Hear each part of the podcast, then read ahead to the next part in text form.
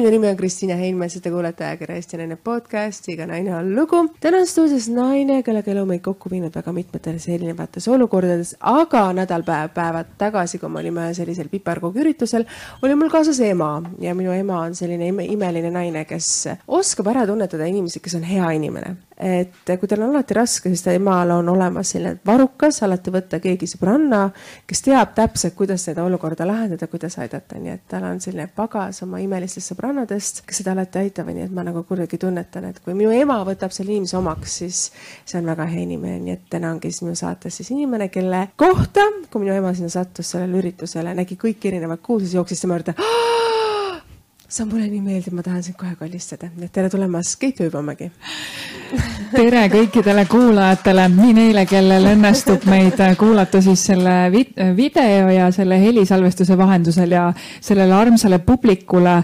ma olen äh, nii tänulik, äh, Kristiina, sulle, et äh, sa mind siia kutsusid Eesti naisele. Ja just sellepärast, et Kristiina, sa seda ei tea, ma hoidsin seda pärli, aga ma olen sulle alati, ma olen sulle alati kaasa elanud, sa oled minu silmis olnud viimase, ütleme mingi kahekümne aasta jooksul üks kõige ilusamaid naisi.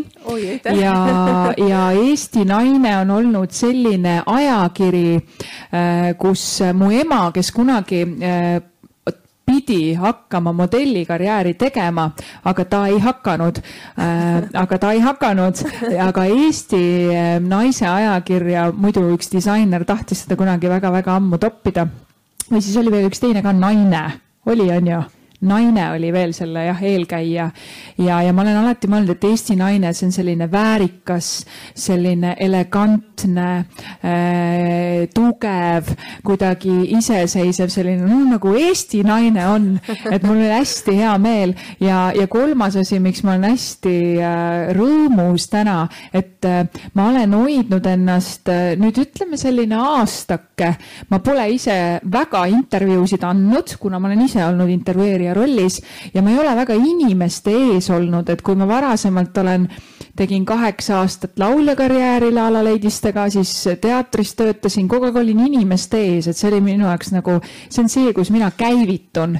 et äh, ja siis see vahetus äh, kaameratega, äh, kaameraid ma kusjuures olen alati kartnud ka täna ma ütlesin, et ma pean istuma niipidi, sest et see külg minu näost on natukene fotogeenilisem.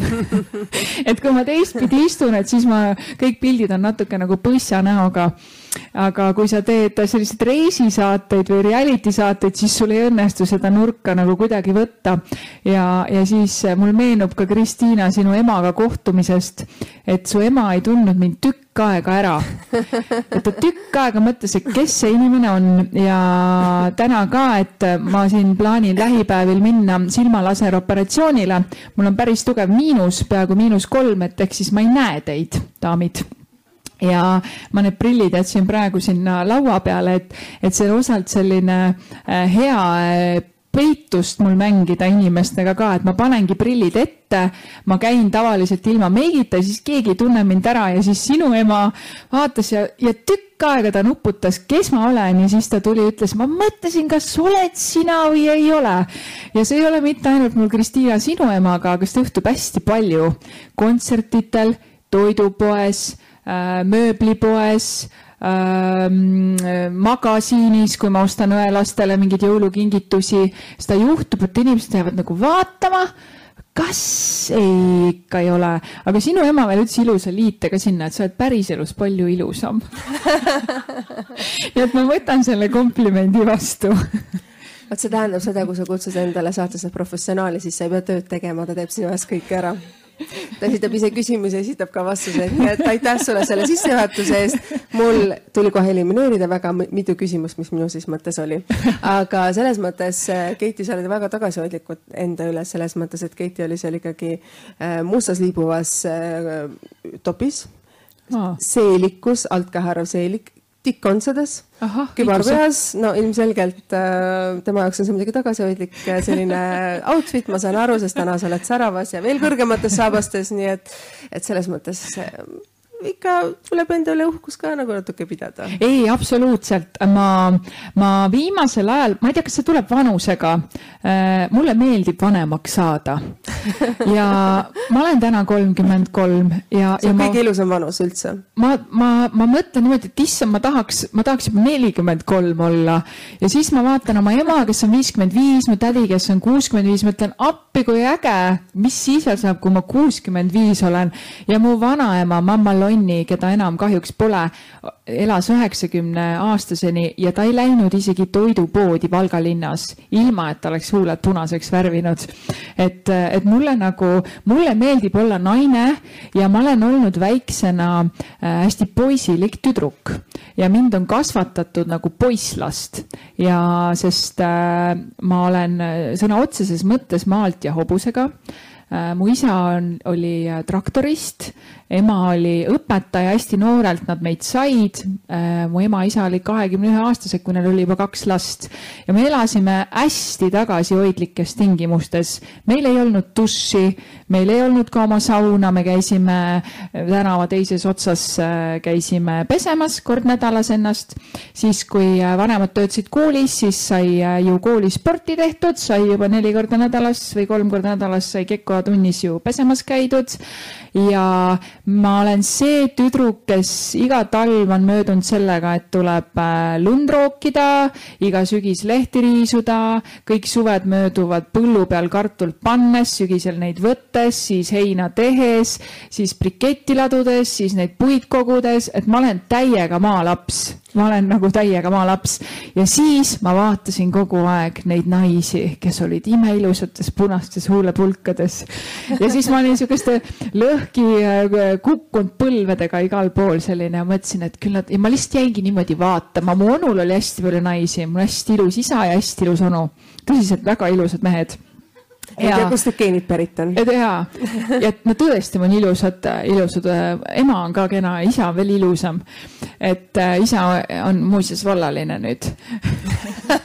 Neli aastat tagasi, nii et paras aeg. et, äh, et äh, siis ma mäletan, ma vaatasin neid onu pruute, keda ta siin siis alati tõi meile, tutvustas, mõtlesin üks ilusam kui teine, need lendlevad kleidid ja kõik, mul ei lähe iialgi meelest siis ma alati tahtsin olla see Barbi, aga mu õde oli Barbi, sest tema oli loomulikult äh, selliste valgete pikkade juustega ja siis kõik teda imetlesid ja siis, ja siis äh, kuna meil õega on selline väga väike vanusevahe, aasta ja kaheksa kuud, siis ta alati toppis mulle nätsu juustesse ja siis mul lõigati jälle kauss pandi pähe ja lõigati see pott päriselt ka. Ja siis äh, mina olin siis see kausisoenguga kartulikoore juustega siis äh, lõhkiste põlvedega ketu ja see Aga... geto on jõudnud Tallinnasse Valgast. kuidas see teekond, teekond alguse sai? me rääkisime enne põgusalt, et sa olid seitseteist, kui ja. sa siis otsustasid, sa tuled Tallinnasse. et see oli ju mõnes mõttes šokk, et noh, Valga on selline pisikene hmm. armas kohakene ja sa tuled Tallinnasse, sa pead ise hakkama saama, nagu sa ütlesid, sa oled lihtsast perest, mis tähendab ka seda, et ise tuli enda eest vastutus võtta. absoluutselt äh,. minuga tuli sellel ajal ka mu vanem õde, me tulime siis kaks tütart äh,, tulime siis Tallinnasse õppima. ma olin seitseteist, kui ma lõpetasin keskkooli, sellepärast et ma läksin viieaastaselt kooli, sest ma lihtsalt ei püsinud kodus, nii lihtsalt oli. ja neil ei jäänud muud üle, kui ma pidin lihtsalt kooli minema. mul tekkis küll kuuesena, ma läksin ka muusikakooli siis siia sealt, ise viisin paberid sisse, kusjuures ma ei tea, ma olen täitsa segane inimene.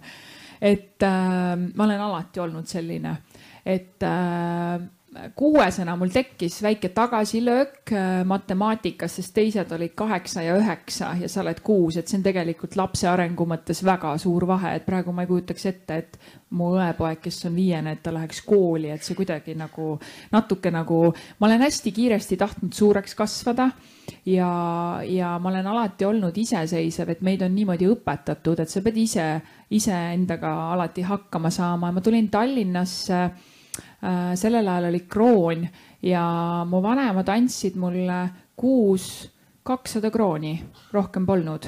ja siis ma hakkasin äh, tööl käima. Äh, hakkasin Vahv laulukoolis käima, siis sellel ajal me käisime seal Ott Lepland ja Taavi Immato, Joosep Järvesaar, mina, Taavi Peterson, Sandra Nurmsalu, noh, kõik, kes täna on väga professionaalsed lauljad. Ja see oli erakool, see maksis neliteist tuhat krooni aasta õpe, see oli väga kallis, minu, minul ei olnud seda raha.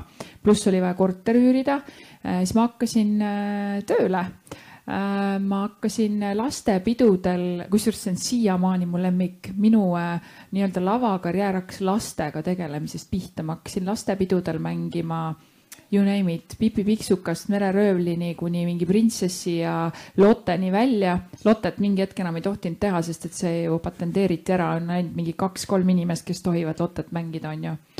ja siis ma teenisin niimoodi raha ja siis ma hakkasin koristajana tööle, töötasin koristajana Jungle Jacks mängumaailmas ja inimeste kodudes ähm,. näiteks äh, Egert Milderi parima sõbra kodu koristasin ja see oli päris naljakas, sest et äh, üks capoeira treener oli ja, ja tema naine ja need lapsed ja ma hoidsin neid lapsi vahepeal ja ma tegin kõike, mis vaja oli, et lihtsalt ellu jääda ja see oli nii normaalne.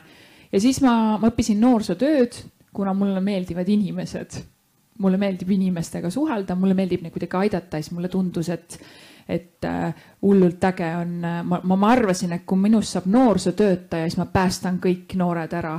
Ja et ma olen hästi inspireeriv ja, ja et ma olen, ma olen alati tahtnud, et kõigil läheks hästi aga noh, see päris reaalsus jõudis kohale, kui ma seal Viimsi noortekeskuses praktikal olin ja lapsed mind piljardikuulidega loopisid. siis ma sain aru, et kui ma tahan üldse kellelegi kunagi inspireeriv äh, inimene olla või midagi teha või aidata, siis ma pean kuulsaks saama ma, kuidas siis... see kuulsuse tee algas, sest Lala Ladies oli vist esimene bänd, mis jõudis avalikkuse ette, kus ja. sa osalesid, sest eelnev, eelnevad tööd olid ikkagi sellised tagasihoidlikumad ja Vahvkoor on ju, ta küll esineb, aga ja. see on ikkagi kooriga esinemine. ja, ja, ja see tegelikult läks lahti Superstaari saatest äh, ja sellepärast ma ka Tallinnasse tulin, ma olin seitseteist, see oli kõige esimene Superstaari saade Eestis, siis kui Birgit Õigemäel võitis kaks tuhat seitse. kas te täna veel suhtlete?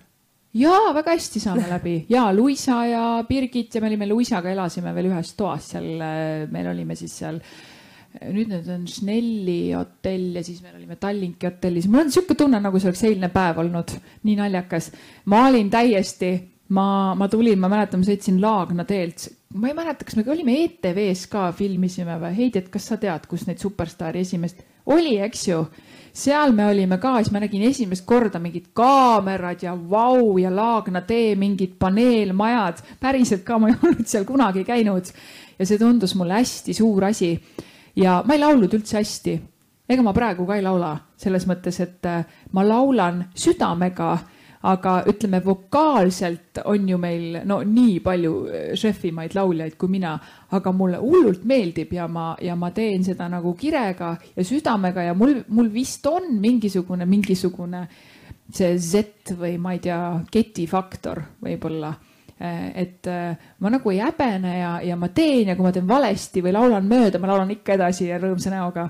et ja see jäi silma. Ja siis ma tutvusin Maikeniga Kadri Koppeliga. Ja, ja siis ta ütles, et äh, tee, mis sa teed, aga tule Tallinnasse. Ja siis ma ja ma kandideerisin Otsa kooli Popjazz laulu. aga tollel aastal oli hästi tugev lend ja mu solfedžost kümnest punktist sain ainult viis, solf oli minu jaoks hästi keeruline, kuigi ma olen laste muusikakooli lõpetanud, aga see džässmuusika, see, need diktaadid, mida siis lasti täisbändiga, ma ei suutnud seda lihtsalt maha kirjutada, see oli minu jaoks väga-väga raske ja, ja ma ei saanud sisse ja Maiken ütles, pole midagi, tuled VAF-i ja siis ma, ja siis ma hakkasin tööle. ja kui me panime kokku selle VAF koori, et mina olin, ma tegin ka valget gospelit linnahallis veel ja meil oli Eesti tuur, issand kui lahe, jube lahe minge Valget Gospelit vaatama, ma just eile käisin, nii hea, nii tore oli, kõik liigutused olid meeles. et äh, siis äh, ma jäin silma selle Vahv kooriga, me olime Laululahingus, ETV saade oli, mida Tarmo Leinatamm tegi. ma jäin Leinatammele juba siis silma ja kellega ma olen ka saanud Vanemuise teatris koos töötada, muusikali teha ja siis ma jäin ühele agentuurile silma, Dance Factory'le, ma olin sellel ajal üheksateistaastane ja ma hakkasin laulmisega raha teenima. ma olin ülikooli kolmas kursus, ma olin üliõpilasesinduse esimees, öeldakse ikkagi esimees, mis siis, et ma olen naine. Ja, ja, ja, ja siis ma läksin laevade peale, Rootsi kruiisilaevade peale ja ma töötasin seal tegelikult äh, seitse aastat. Ma olen töötanud üheksa erineva Tallink Silja ja Viking Line'i laeva peal siis lauljana nendes igasugustes show des ja tegelikult nagu sealt hakkas see kõik nagu edasi kruvima, sest et see on nii raske töö, see on, see on nii äh, stabiilselt väljakutsuv et noh, ikkagi on oldud laval niimoodi, et äh, muusika mängib, aga ma oksendan kuskil lava taga, sest et noh, see ju noh, lainetab ja sügistormi ajal selline.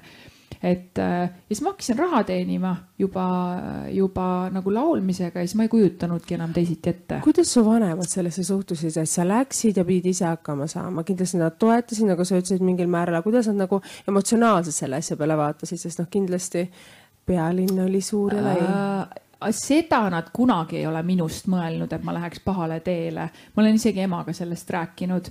mul ei olnud aega, ma ei saa aru nendest noortest või, või noh, kuidas ma nüüd ütlen, mul on, mul on raske mõista, miks näiteks kahekümneaastased või kahekümne nelja aastased noored raiskavad oma elu, ma ei tea, kas üleliigse pidutsemise peale, okei okay,, ma panin ka pidu, onju, või et nagu kõik on nagu ma veel otsin ennast, ma ei tea, kes ma olen või et. mis sind distsiplineeris, et sa ütled, et sa lõpetasid muusikakooli. tegelikult klaver on ju see, mida me peame iga päev harjutama ja see paneb sind distsipliini, et kui sa tahad midagi saavutada, sa pead seda igapäevaselt tegema väikeste sammudega. ma lihtsalt mulle meeldis, mulle meeldis tegutseda ja mulle meeldis see, et kui mul oli, mul oli nii kuradi raske oli seal klaveritunnis, ausõna. Ja kodus ma väga harjutada ei saanud, sest mu õde vihkas klaverit ja siis ma pidin niimoodi nagu ajastama. Ja siis ma käisin veel saksofoni õppisin ka ja laulutunnis käisin ka ja näitlemas.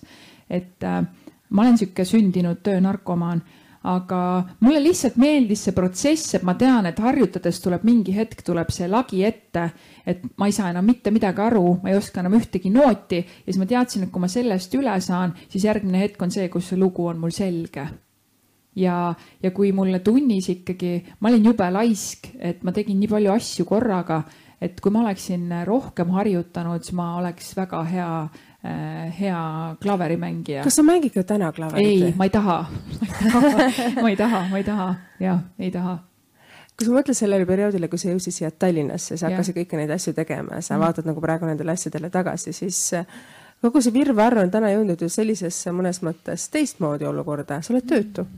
Ja täna ma olen töötu, jube lahe. teate, kui mõnus on? tead, teate, kui lahe tunne see on, et äh, käidki ringi, inimesed sahmivad täiega, detsembrikuu, kõigil on nii räigelt kiire. ma mäletan ise ka, kui mul olid need detsembrid siin paar aastat tagasi, kus mul oli kolmkümmend kaheksa esinemist ühe kuu jooksul. ma lihtsalt noh, mul on mingi ja siis ma näen neid artiste, no mis projektid kõik küsivad täna ka või Kristiina, sa küsisid ka, et millega sa tegeled, mis projektid, mis, mul on mingi, ma puhkan. ja siis tuleb selline haudvaikus okei okay., jaa, ma puhkan ja siis noh, ehk siis ma olen töötu praegu ja selles mõttes on, äh, ma tegelikult kandideerisin ühele koolitusele, üks kursus algab, et ma vaatan, kas ma saan sinna või ma ei saa. ma olen, ma olen sellist tüüpi, et kõik või mitte midagi. ma oleksin võinud jätkata tegelikult äh, oma eelmises töökohas nii-öelda TV3 majas on ju, aga ma ütlesin, et kui ma üldse kuidagi millegagi seon ennast, siis ainult nagu teenusepakkujana. et ähm, siis mul on vaja seda vabadust, et äh, ma ei saa müüa oma hinge maha ma lihtsalt ei saa, mul peab olema see, et, et minu nägu peab jääma minu näoks ja kui ma tunnen, et mingil asjal on piirid, siis ma saan seda öelda ja ma saan nagu katkestada, mitte et ma istun lepinguga kuskil sunniviisiliselt nagu kinni. see lihtsalt ei sobi mulle, ma olen olnud kogu aeg ja üheksateist tegin oma ettevõtte ja siis ma olen osutanud nagu teenust, mis, mis, mis peakski olema nagu normaalne sa oled öelnud seda ka, mis me hetk tagasi rääkisime ja kui me vaatame televisiooni, televisioon kipub inimesi ära kasutama, et ta võtab su korra, viib su pjedestaalile ülesse mm -hmm. ja mhm. siis mingil hetkel ütleb, ups, aitäh sulle, nägemist ja tuleb järgmine, järgmine, järgmine. et ka sina oled seda selles mõttes kogenud, sest noh, mina mäletan seda, et ma aasta tagasi vaatasin väga hästi TV3-e ja ups, out of the blue järsku on meil uus saatejuht, et, et see on kuidagi nagu selline olukord mõnes mõttes, et sa ei oska tegelikult väärtustada seda tööd, mida inimene on teinud, et kui ta on selle aastaga võib-olla alles asja selgeks saanud, et nüüd võiks hakata neid ju vilju lõikama, ehk naine, inimene on saanud ju sinna õigesse positsiooni ja, ja olukorda, et nüüd hakkaks nagu päriselt asju tegema, kas sult võetakse see muu võimalus ära? Ah,? siin on nüüd kui nii palju nagu magusaid teemasid, oi kui häid pealkirju siin on, assamait no meil on kroonika, kuidas öelda, peatoimetaja asetäitja siin istumas, nii et ta kirjutab kohe ülesse, nii et võib-olla sa saad tööd. ma ei taha ma sattusin ju TV3-e tegelikult esimest korda selgeltnägijaid tegema ja see oli täitsa jälle, ma ütlen, lambist, aga. no aga Peika ju sealt said sain jah, jube lahe, jube lahe. ma pean päevikut, ma avastasin, kusjuures mõtlesin, kus ma nii ilusa märkmikule saan, vaatasin, siin on mingid imelikud tähed, sain aru, et see on Ansoori päevik. mõtlesin, et nii ilusat märkmikut ma pole küll endale ise ostnud. aga mm, ma äh, TV3-st rääkides, siis äh, ma sattusin äh, telesse igapäevaselt nii-öelda otse-eetrisse tööle ühe kanali kõige keerulisematel aegadel ja see ei ole midagi, mida ma ei tohi öelda, sest kõik teavad seda. ja, ja see on osalt nagu nii suur äh, kingitus ja teisalt nagu täielik põrgu, et äh, sa ei tea äh,, mind moositi selleks mitu kuud ja, ja ma, ja ma, ja ma mõtlesin, ma siis noh, tulen, et proovin, et äh, tegelikult ka üks teine kanal tegi mulle pakkumise. aga ma olin sihuke, noh, vaadake ise, kes mis muu siis, sest minuga juhtus ka see, et tegelikult poolteist aastat tagasi suvel täpselt samal ajal ma tulin täpselt samal päeval esimest korda kahe saatega eetrisse, ehk siis ma olin suvistes seitsmestes saatejuht ja täpselt samal ajal startis siis see meie karavani saade, kus ma olin, et nagu konkureerivates kanalites. Ja siis juba küsiti, et oota, sellist asja tegelikult ei tohiks olla, no me ju teame, et kui meil on Delfi meedia või Ekspress meedia, noh siis noh, me ei saa, noh, me peame nagu, siin on mingisugused piirid või täna mind Kanal kaks ei kutsu õhtusaatesse intervjuud andma, sest ma olen nii tugevalt TV3-ga seotud olnud, on ju. aga, ja ma läksin sinna TV3-e, ma ausalt öeldes, mul polnud õrna aimugi, mis ma seal tegema hakkan, pidi tulema täiesti uus saade, aga ei tulnud ja siis nad jätkasid seda seitsmeseid sellises vormis, nagu see oli ja see nägi niimoodi välja, et mul polnud mitte ühtegi mentorit, mitte ühtegi inimest, kellelt küsida. Mart Mardisalu oli tegelikult selleks hetkeks juba ära minemas, meil polnud juhti. Äh, toimus ju kandideerimine uuele juhile, mul polnud mitte kedagi, kellelt küsida, mis ma tegema pean. lihtsalt oli programmi juht Urmas Eroliiv, kes käis ja lihtsalt väga intensiivsel moel, nagu ta on. minu meelest on lahe, hull, geenius, osad inimesed vihkavad teda mina. nii õppejõud, nii et mina võin öelda. mina väga, väga, mina väga armastan teda, sest et äh, tema nägi minus, äh, minus ära selle miski. tal on hea ka. silm, tal on väga hea tal silm. tal on väga hea silm ja, ja selles mõttes, et ta oligi sihuke, mine, tee juurde, juurde, aga lõpuks oligi, et noh, et ma ei saanud üldse aru, mis see saade meil seal on, mis ma pidin kolmandal päeval juba, ma ei pidanud üldse reportaaži tegelikult tegema, aga üks tüdruk ei julgenud minna, kui see meie kurikuulus Mihkelson jäi sinna Riigikogu vetsu kinni, mäletate seda? ja siis ma polnud kunagi Riigikoguski käinud ja ma ei pidanud tegelikult reportaaže tegema, aga ma olin hommikust õhtuni tööl, et ma üldse saaks pihta, mis ma seal õhtul otse-eetris tegema pean, sest valimised olid ju ka ja siis ju kõik need poliitikud seal käisid, noh, ma olin tegelikult meelelahutaja, ma ei ole, ma ei olnud siis tõsiste teemade inimene, täna ma pff, vabalt. nagu näete. Kõike võin teha, mul pole, ma enam ei karda, kui ma esimene otse-eetri intervjuu oli Elle-Moonika Helme istus mul vastas. Ja mul jooksis juheni kinni ja ma võtsin otse-eetris laualt kandiku õunadega ja pakkusin Hellele õuna. Ja need olid rekvisiidid? no nagu kõik, kes see teeb nii, Elle ei saa mitte midagi aru, aga tegelikult mulle kõrva öeldi, et paku Hellele ruttu õuna, ruttu paku talle õuna ja siis ma ei olnud harjunud ka sellega, et sul keegi kõrva veel räägib ja siis Elle täiesti nagu kohmetus ära. ja siis võttiski selle õuna. ja siis mina ja siis ma veel panin sellise pirni maha, et ma ütlesin, et ja täna on meil väga tähtis, oluline päev ühe väga olulise naise elus, väga märkimisväärne hetk. siis printsess Diana surma aastapäev ja siis noh, aga siis sa oled seal ja siis mul oli see pusa veel seljas, Kersti on vaba, vaata, see oli see, see Riigikogu teema ah,. ühesõnaga, ma käisin Riigikogus reportaaži tegemas oma kolmandal päeval ja see oli väga lõbus. seal vetsumajas jooksin ringi ja ja tegin ja mõtlesin, et mida ei karda, ma siis proovin monteerima, õppisin, seal on üks, et niimoodi, et äh, iga äh, ajakirjanik või iga reporter peab oma rea ise kokku ajama.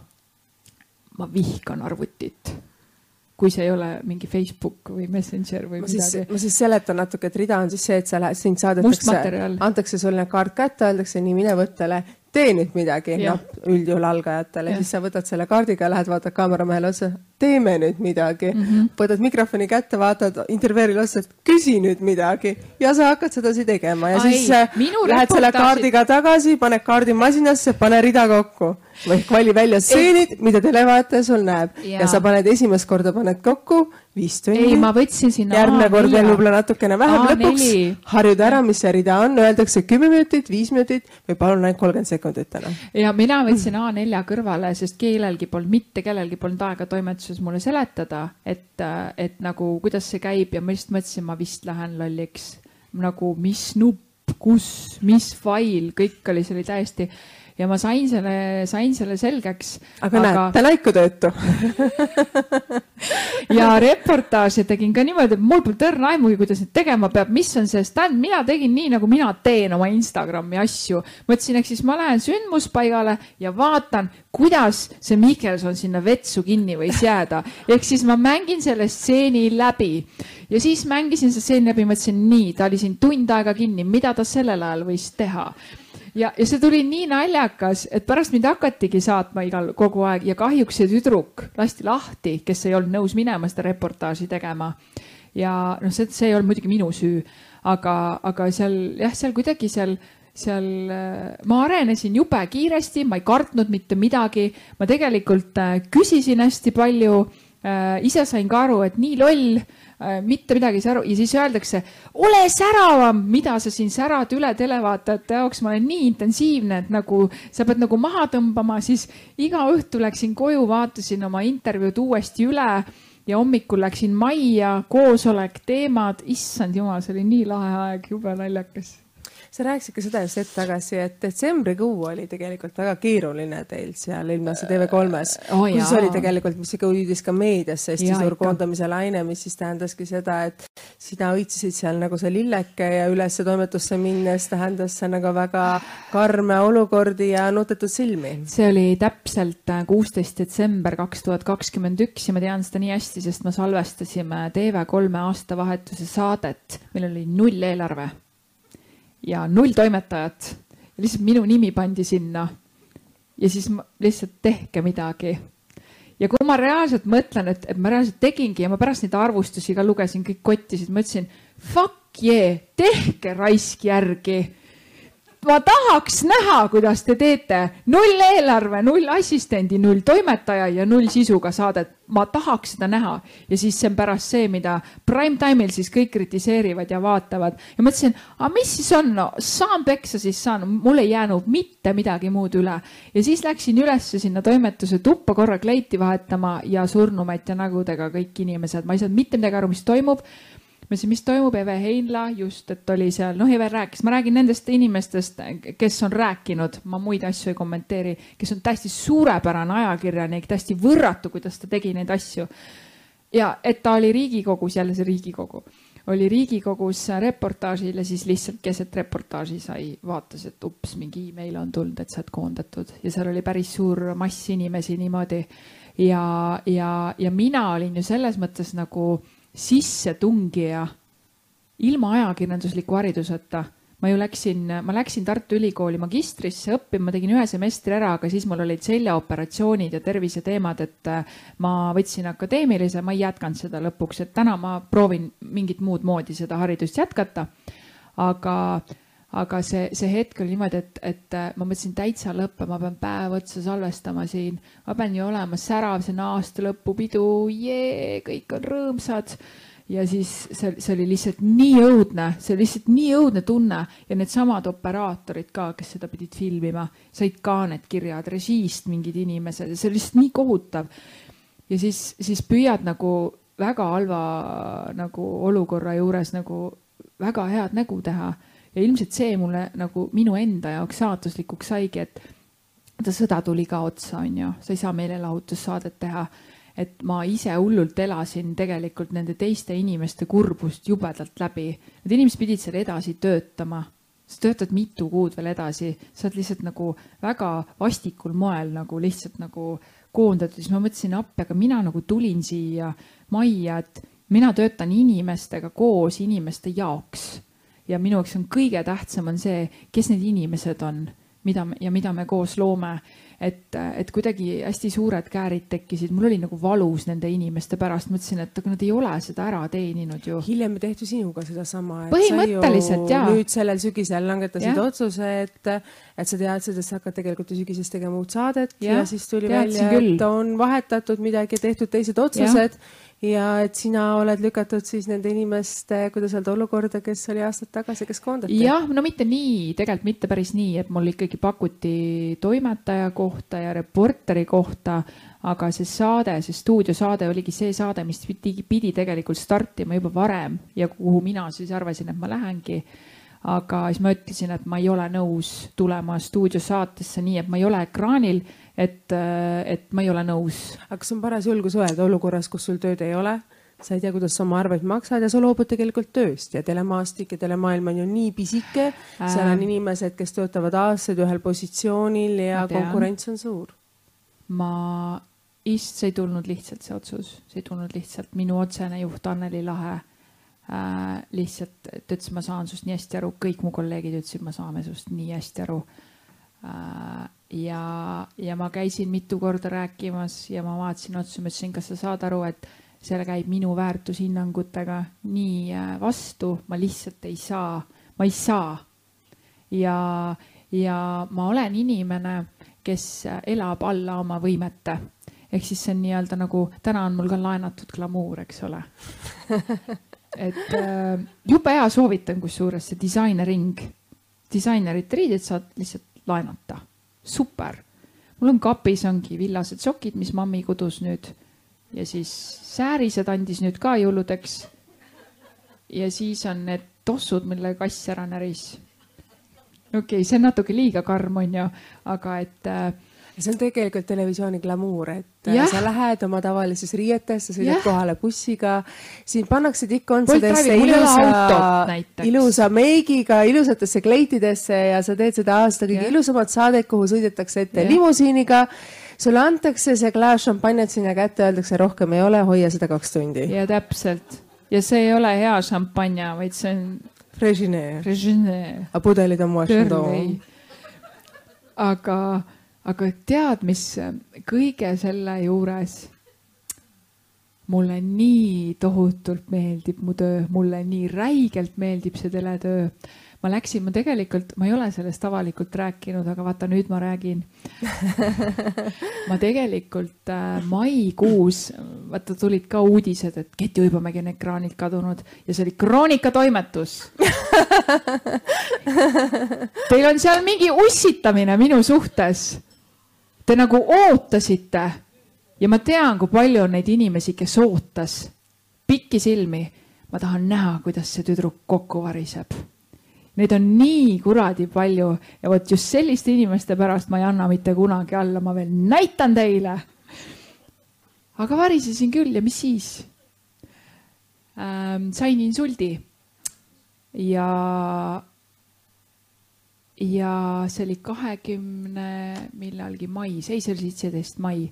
ma pidin tegelikult suvepuhkusele minema kakskümmend viis mai. aga ma olin selleks hetkeks nagu nii äh,, ilmselt need emotsioonid ja see kõik, ma olin nii ületöötav, ma olin nii üksi selles kõiges.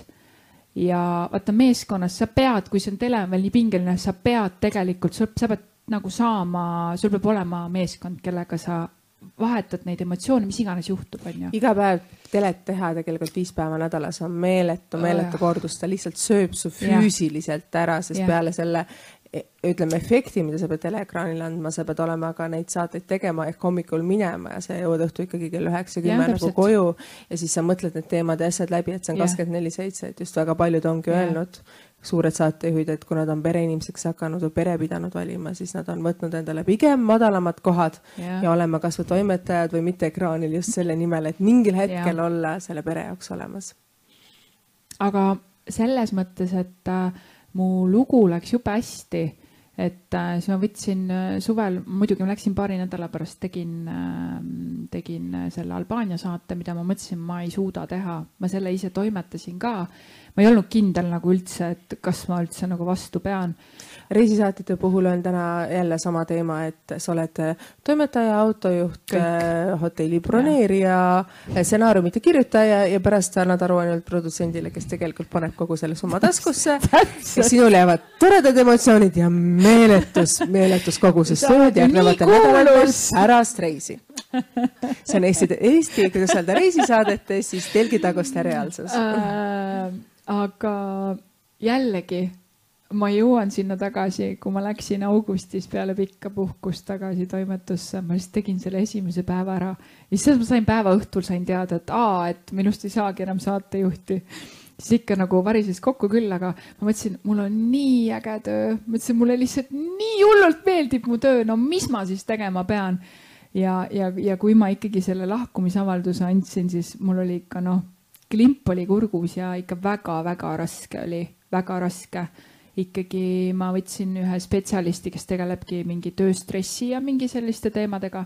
käisin temaga arutamas, iga kord see vastuvõtt nägi välja nii, et mina rääkisin, kolmkümmend minutit rääkisin ära, siis ta ütles, et vau. et selliseid asju, vau ja siis ma lõpuks mõtlesin, et no ma ei tea, et nagu, et, et kui sina juba vau, et, et mis ma siis tegema pean, vau. et, et, et aga tulles nende kulude juurde, et äh, sa saad teha selliseid valikuid, et sa tuled ära ja oled võimeline, ma ei tea, kas, ma tean, ma ei jää kunagi nagu töötuks, ega ma, ma kindlasti, mul on varsti juba mingi tuhat projekti. detsember on juba nii tihe, et ma ikka teen ju asju, et mingi tore artikkel telliti mult sinna Tartu kultuuripealinna raames ja, ja, ja siis õhtu juhtimise, super, ma armastan neid ehk tegelikult Koostöid. ongi, et kui sa oled meelelahutuses sees, sa ei tegele ühe asjaga, vaid sa töötad mitme asjaga, sa kirjutad ajakirjanikuna retsensioone, sa juhid õhtuid, sa teed, ma ei tea, kas või telesaadet toimetajana osaliselt mingeid asju, siis noh, tegelikult teletöö ja meediatöö ei ole nii tasuv.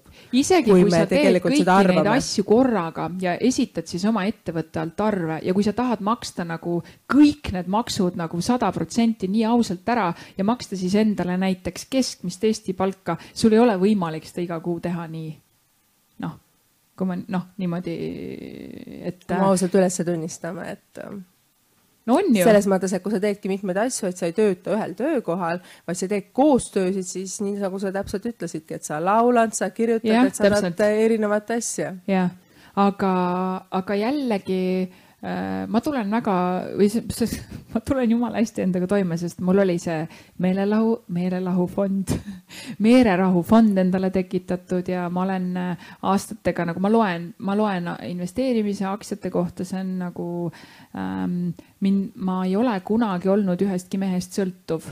aga tal on uus armastus ja sellest ma ei räägi nii et ütleme selline, Kiti on öelnud seda. jube hea talk show on ju.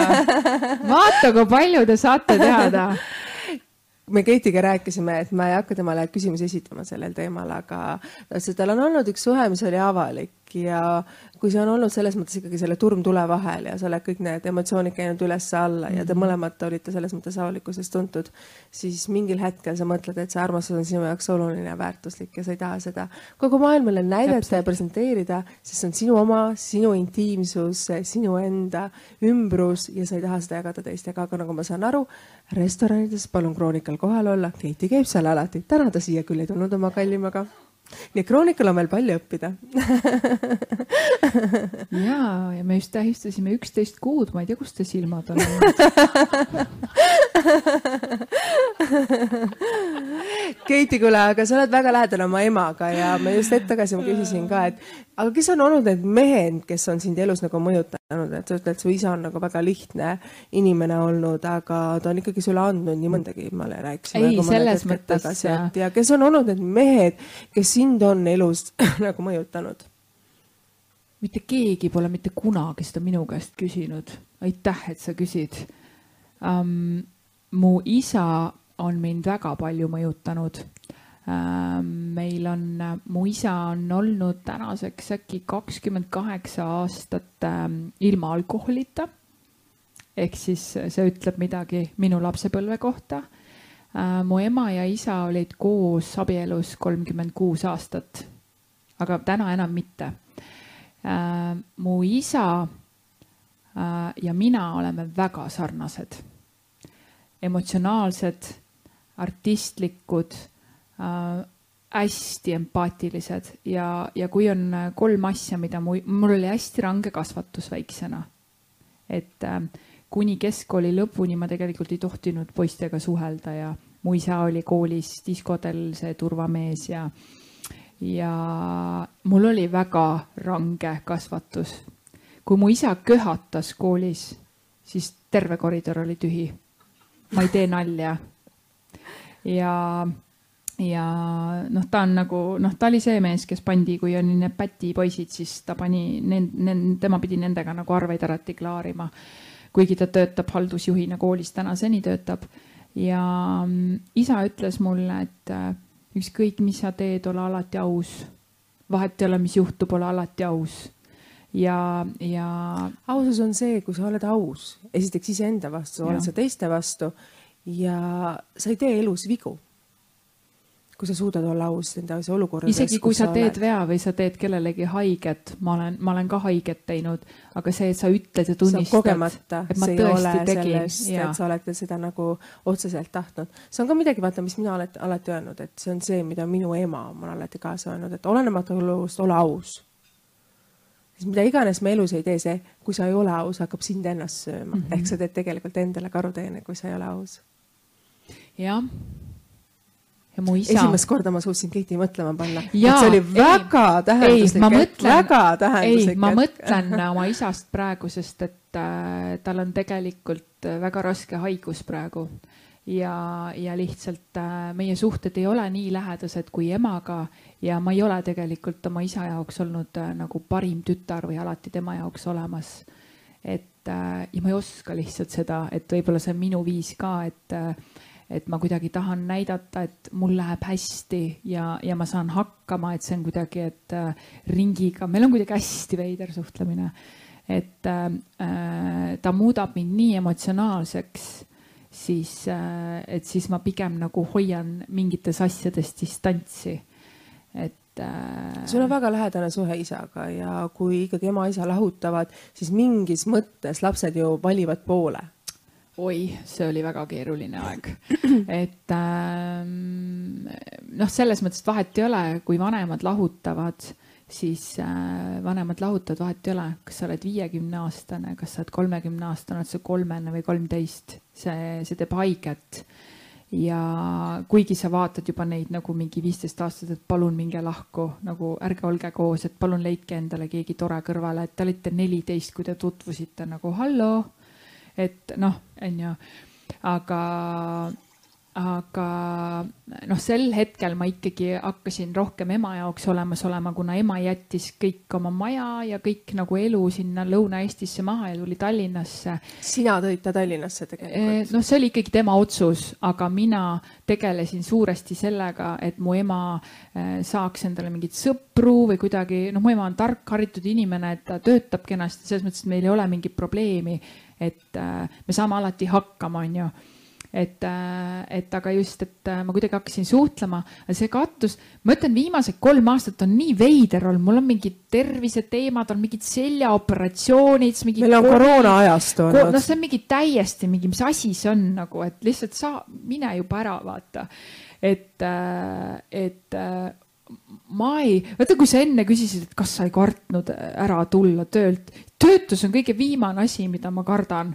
ma ei karda mitte midagi, nagu kui ma mõtlen, et ma olen see kolm aastat nagu sellisest jurast välja tulnud, nagu ma olen, siis ma nagu ma, ma tean, et ma saan ükskõik millal mis hakkama. sind edasi viib, sa ütled, et sa oled sellisest jurast välja tulnud, et mis on see, mis sind edasi viib, sa ütled, et sul on elus olnud kogu aeg edasipüüdlikkust, vahet ei ole, kui on vaja asju teha, sa teed, sa oled, töötad koristajana uh, -huh. sa oled laeva peal, mida iganes, kui arva vajab maksmist, see toob sulle selle sisse. aga kõik ausalt, aga kõik on ausal teel, ma ei ole mitte kunagi, mul tehtud nii palju ettepanekuid, et äh, ma oleksin võinud palju varem saada tuntuks ja väga heaks artistiks ma olen kõik need ettepanekud tagasi lükanud, mina ei saa, minul, minu maailmas ei käi asjad läbi. kas sa kuulad oma südame häält ja teed oma sisetunde järgi? kõike ainult selle järgi teengi, vahel ma mõtlen, et aju võiks ka nagu kaasas käia et tee no rohkem midagi ajuga, tüdruk kas ma... ei ole see, et kui sulle on kaasa andnud selles mõttes see julgus ja enesekindlus ja see ausus, siis olemata olukorras sa hüppad sinna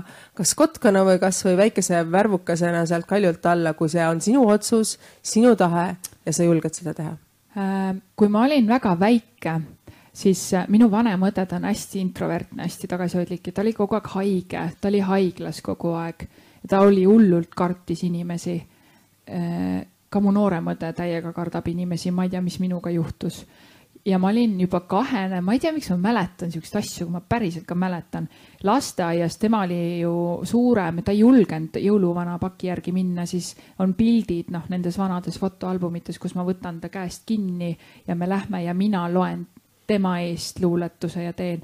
mul on kuidagi see, et äh, mul ei ole endal veel perekonda, nüüd ma sain ka aru teraapiaruumis, miks mul ei ole, sellepärast et terve mu pere on nagu mina olen nende ema et ma vastutan, et mu emal oleks hästi, mu isal oleks hästi, mu õdedel oleks hästi, koolitan neid, maksan nende asju, et nagu, et siis mul oligi mingi vau wow!, et nagu sa ei saagi, sul ei saagi lapsed sinna tulla, sest sul on mingi terve trobikond lapsi juba nagu sõrme otsas, see ei ole sinu ülesanne.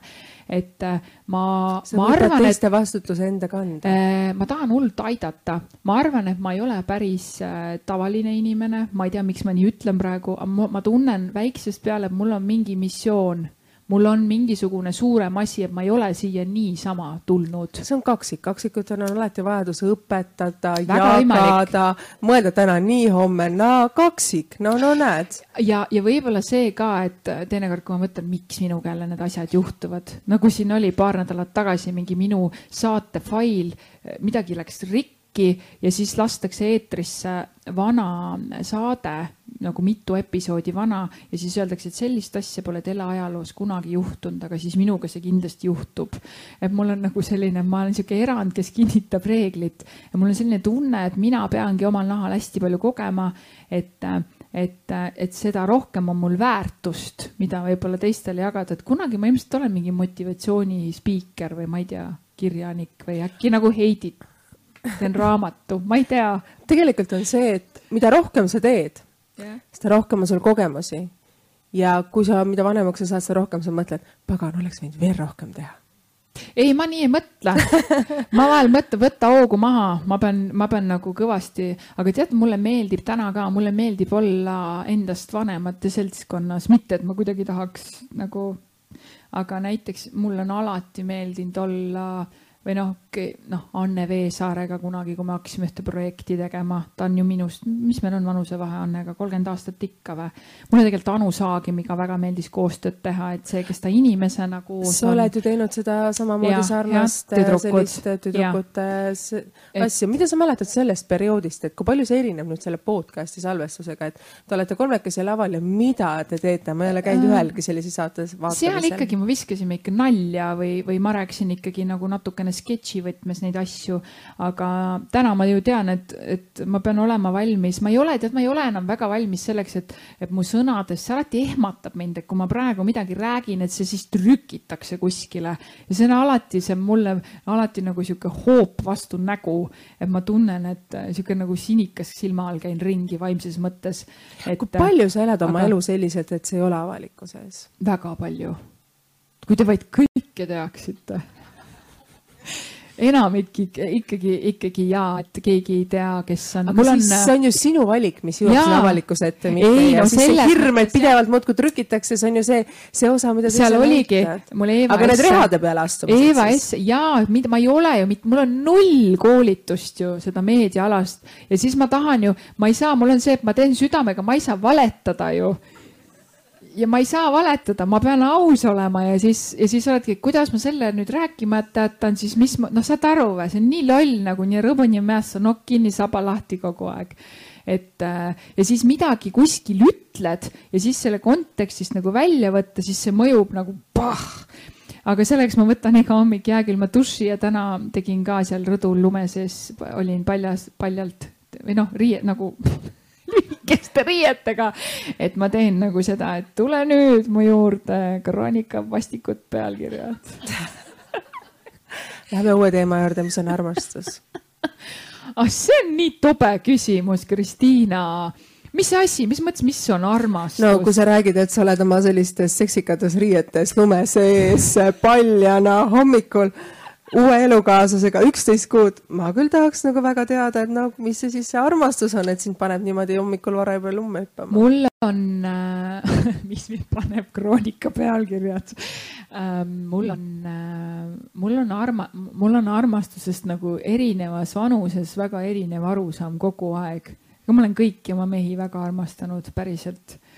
Aga ja palju neid kokku on, sest meil ennem oli just selline arvutamine, et kolmekohaline number pidi väga normaalne olema. Selline kahekohaline pidi väga okei okay olema, sellise ühe käega ei eksisteeri enam täna. et äh, aga ikkagi, kui mõelda nagu noh, loomulikult ma rihin selles suunas, ma tahan pere, ma tahan lapsi, ma olen juba tükk aega seda tahtnud, aga kuidagi sattusin, kolistasin selliste partnerite otsa, ma ei ole veel päris valmis.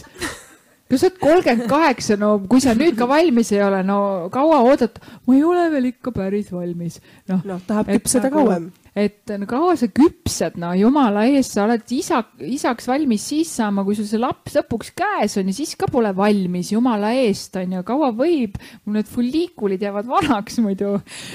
aga, aga mina olen täiega valmis, ma olen tegelikult kahekümne kuuendast eluaastast saadik tegelikult emaks tahtnud saada, et. See on siis kokku seitse aastat. jah, ja ma nagu täiesti, et äh, eks vaatab, mis see elu toob, et ei maksa nagu kisendada siin mingit nagu, aga jah, et, et kui sa. armastusest minu jaoks perekond ma, perekond ja, ja see, et, et ma saan, et ma vaata, kui väljapoole ikkagi, ikkagi neid kihte nagu endast nii palju ei, ei, ei ava, et pigem ikkagi see suu on naerusuu, on ju. See ongi ka nagu tobe, tuled seltskonda, hakkad vinguma. ma olen hästi seda vastu nagu, mida sa vingu, mida sa alad, mine vingu kuskil mujal ära. ma ei salli neid sõbrannasid, kes siis ise helistavad ja vinguvad, ma ise kunagi ei vingu sõbrannadele, ma lähen teraapiasse, maksan siis selle eest, siis on vähemalt nagu asja ette. no on ju, no mida sa vingud, hädaldad, et seltskonda on, on viisakas minna rõõmsa tujuga, onju.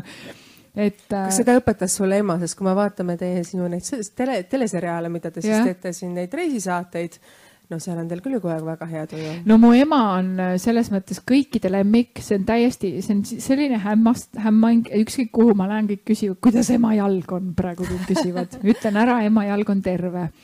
ja nüüd ja, ja et, et äh, mul oli nii tore nagu näha, et, et tema jättis kunagi oma mingid võimalused realiseerimata, see oli modellindus ja näitlemine, kõik see, et tema tahtis õpetaja olla. Ja noh, see oli tema ainukene no, missioon, et ta on nagu seda õpetanud, et, et äh, ükskõik, mis sa teha tahad, tema tahtis õpetaja olla, täna mõtled, issand, kalkuleerivad noored, vaata eh,, nalja teed, õpetaja palga peale ma küll ei lähe, onju. aga ei, sa ei saa nii elada, ema ongi õpetanud, et, et, et tee, sa pead tegema neid asju, mida sa tahad teha ja, ja kui ma nii mõtlen, siis mu ema-isa on ikka jube head lapsevanemad olnud et äh, ma ise loodan, et ma olen sama chill, et nagu karm ka, aga noh, väga nagu töökasvatus on meil olnud, aga ma arvan, et teisiti ma ei oleks nagu nii töökas. sa ei jõua mitte kuhugi, kui sa ei ole valmis panustama ja me, me ei räägi siin nagu juhuse tahtel ei juhtu mitte midagi. Et äh, ma olen ehe näide sellest. Kõige suurem pingutus, mida sa oled elus teinud, et sa tahad seda ja sa aastaid või planeerid selle pikalt ette, et kui suur etteplaneerija sa oled või see on ikkagi, et kotkana mööda no kalju, ikka- kaljust alla ja otse ja pea ees. Ei, no kui ma ikka midagi väga tahan, siis ega ma mitu aastat selleks küll pingutama ei pea. Ei no praegu, praegu äh, kuidagi asjad hakkavad siis juhtuma, õiged inimesed hakkavad siis teele sattuma, aga praegu ma kindlasti mõtlen selle mõttega, et ma tahaks olla neljakümneselt ehk siis seitsme aasta pärast, ma ütlen selle välja. see naine, kes võib esimeses klassis reisida või äriklassis lennata, ma võin äh, osta endale, no minul ei ole Chanel'i kotti, sinul on, ma tahaks ise osta, saad aru, tahaks ise osta, mitte need Quessi saapad, mis ma pidin ostma soodukaga, onju et noh, saad aru, on ju, et, et, et, et ma tahaks, et, et ma ei pea enam nii pisikest teemanti endale ostma, vaid ma saaks osta nagu viis korda suurema teemanti et kui ma neljakümnene olen, siis, et järelikult ma pean ettevõtlusega hakkama tegelema. ma just tahtsin küsida, mida sa hakkad tegema selle nimel? ma veel täpselt ei tea, aga ma arvan, et ma pean targemaks saama, et koolitusele juba ma ühe, ühele koolitusele ja, et eks ma saan millalgi siin lähipäevil teadma, see on ka meediaga seotud, et see meedia mind tõmbab, televisioon, ajakirjandus, kõik see tõmbab ah, seal ei ole küll ma siis välja mõtlen, teen oma kanali või midagi, mõtlen välja, issand jumal, tekitame mingi rahamasina. Jesus Christ, kõik on võimalik. et, et natuke, natuke on vaja veel nagu õppida, et ma arvan, et teeme kõik ära ja siis hakkan ise tööandjaks et töötus on hea asi, et see täiega motiveerib ja no,. paneb edasi mõtlema, edasi pürgima. jaa ma ei tunne, ma tunnen jube hästi ennast. meil on ju see aasta olnud tiigriaasta, kõik ütlevad, et sellel aastal tuleb need tiigrihüpped ära teha, et järgmine aasta mõnusalt kassina nurrutab kuskil pesas ja neid asju, et hiir jookseb suhu, olukordi on neid siis rohkem. mis on olnud sinu tiigrihüpped sellel aastal? et ma arvan, et kindlasti äh, minu suhe on minu tiigrihüpe, et, et mul on elukaaslane, ma pole mitte kunagi varem ühegi mehega koos elanud, see on minu jaoks väga suur samm Ähm, kindlasti see julgus äh, kõigi võimaluste maalt, inimesed ei julge telest ära tulla. Mõtle ise, kas sa julged täna vaadata peeglisse ja kui sulle üldse ei meeldi äh, mingid asjad, mis sul töö juures on, sa ei julge tegelikult ära tulla. sa mõtled, mis siis edasi saab, et, et see minu jaoks on ka nagu suur hüpe kuristiku poole praegu onju aga, aga. kõige paremad ideed tulevad ju siis, kui sa julged öelda ei, keerad selja ja mõtled, kuhu edasi, neid uksi. praegu ma isegi ei mõtle, kuhu edasi, jube hea on olla praegu, et äh, käin massaažis ja jalutamas ja teen trenni ja, ja, ja kui tahan, söön natuke rohkem, natuke on kaalu juurde tulnud, no mis siis? Et, et äh, ma praegu naudin, minul on oluline ülesanne õppida elu nagu tasakaalus hoidma, kuna ma olen noh tähtkujusid kõike ei usu, aga ma päriselt olengi selline, ma olen nii seinast seina, et koduketi ja siis see tööketi ja see on kogu aeg töö poole kreenis, et ma pean seda koduketit natuke. mis on see sinu tasakaalupunkt või sinu tasakaalu asi, et äh, sa tihtipeale nagu tunned, et nii koduketi ja muidu keti ja veel kümnes keti, kõik on nagu segamini omavahel ja kuidas sa sealt tasakaalu saad, lähed sa jooksma, loed sa raamatut, massaaž, mis on mm -hmm. nagu mhm. see sinu must, et üldjuhul selleks vanuseks kolmkümmend kolm peaks olema mm -hmm. välja kujundatud. mina ütlen sulle, mul ei olnud, mul on alles tänaseks see tekkinud okay. ja see on ikka veel selline lapsekingades beebi. pange kirja siis, eks ju, et äh, vaatad ära järjest kõik The Crowni episoodid. kes pole esimest hooaega vaadanud, siis vaatab, mina armastan Downton Abbey ja Call the Midwife, mulle meeldivad sellised äh, Inglismaa ja mulle meeldivad sellised elegantsed äh, seriaalid. vaatad selle ära algusest lõpuni, siis magad ühe päeva, teise, kolmanda. siis äh, noh, õnneks on elukaaslane, kes teeb süüa kolm korda päevas siis ei pea süüa ka tegema, kui ei taha. kui tahad, siis teed, aga tegelikult see jäädušš on väga hästi aidanud mind ja ma olen kirjutama hakanud ja siis tabanud ennast sellelt iga hommik ühelt mõttelt, et äh, ma olen mõelnud, et äh, on ka raske olnud äh, nii-öelda depress, depress, täitsa nagu depressiivne periood, aga ma olen mõelnud, et ma, ma ei saanud enam üldse aru, kes ma olen, ma tõesti, ma ei saanud enam aru, kes ma siis olen, et, et, et äh, mis, mida minust oodatakse, ma ei saanud üldse enam aru, päriselt ka, ma kaotasin täiesti ennast ära, täielik identiteedikriis. ja siis ma lihtsalt mõtlesin, panin silmad kinni. Äh, kui ma olen viieaastane, kui ma olen see väike keti, mida ma tahtsin, mis mulle meeldis, mis mind rõõmsaks tegi, proovisin nagu niimoodi otsida üles, sest et äh, meist tegelikult see väike laps on veel alles ja siis sa tead, siis me ei ole väiksena veel nii ära rikutud, et, et siis sa tead nagu, mis sind päriselt meele rõõmsaks teeb. Ja, ja siis ma käingi kontsertidel, laulan Äh, enda lõpuks küll, ma ei taha enam nagu nii professionaalne laulja olla, see, see, see öine rütm, ma ei taha seda, aga mulle meeldib väga selle ansambel hõimuga muusikat teha, mida me teeme. ja, ja kuidagi ja loen raamatuid ja kirjutan ma ei tea, kas tuli mingi vastus kokku ka praegu jube palju räägin. ma arvan, et seal tuli midagi tegelikult kokku, et kõik see, mida sa oled rääkinud, on mõnes mõttes fassaad ja sinus on veel nii palju asju seal alles, mida sa tegelikult peidad selle tubli tüdrukuna sinna oma sisse, mida sa võib-olla ei taha nagu rääkida, ei julge tegelikult rääkida. veel ei ole valmis. ja ikkagi on näha seda valu sinu hinges on. mõnes mõttes ja, ja näed, ei ole see terapeut ainult vau öelnud, vaid nii mõndagi muud tarkust selle kõrva taha selles mõttes pannud, sest naistena me jookseme kõik kokku mingil hetkel ja me peame hakkama otsast peale minema. Nii et esimene samm, aitäh sulle, Keit, et sa saatesse tulid ja aitäh, aitäh, et sa tegelikult avasid ennast rohkem kui muidu, et ei ole olemas ainult see Ama. suur kätega vehkiv keti, vaid on ei. olemas päris inimene, see aus, see siiras ja kõigi oma nende murede ja asjadega, mida ta siis tegelikult esimest korda siin saates mõnes mõttes avas ja ka nendest haigetest hetkedest, mis sul on tehtud ja nendest rehadest, mida sa oled ise muudkui oma pähe astunud ja astunud ja astunud, ema natuke ka vahepeal kaasa aidanud ja, ja siis ema, ema reha ka vahepeal vaja ära vaja võtta olnud ja siis isa reha on vaja ära võtta olnud ja, ja siis on vaja enda rehadega veel hakkama saada saada ja saab vaja kroonikaga veel hakkama saada, nii et äh, aitäh sulle veel kord, Keiti, aitäh teile külalised, et te siin aitäh. olite, aga meil vist oli mingi küsimuste teema ka. ups. ups, ma rääkisin kõik. aga me vist rääkisime tund aega kogemata ja. järjest. ma loodan, et kellelgi igav ei hakanud oli aga... mingeid küsimusi, sa võid vaadata. aga meil on küll. mingid need küsimused, aga ma nüüd ei tea, kuidas see käib, ma küll laodasin mingid äpid alla. Äh, ma nüüd paneme. see leht äkki lahti on ju? Slido Anonüümus, Keti, millest sa unistad? see oli mhm. viiskümmend kaks minutit tagasi juba. oi. Äh, praegu ma ütlen ausalt, ma unistan, äh, ma unistan äh, tervetest vanematest. täitsa tõsiselt ja ma loodan, et ma saan ka järgmise aasta jõulud oma vanematega veeta.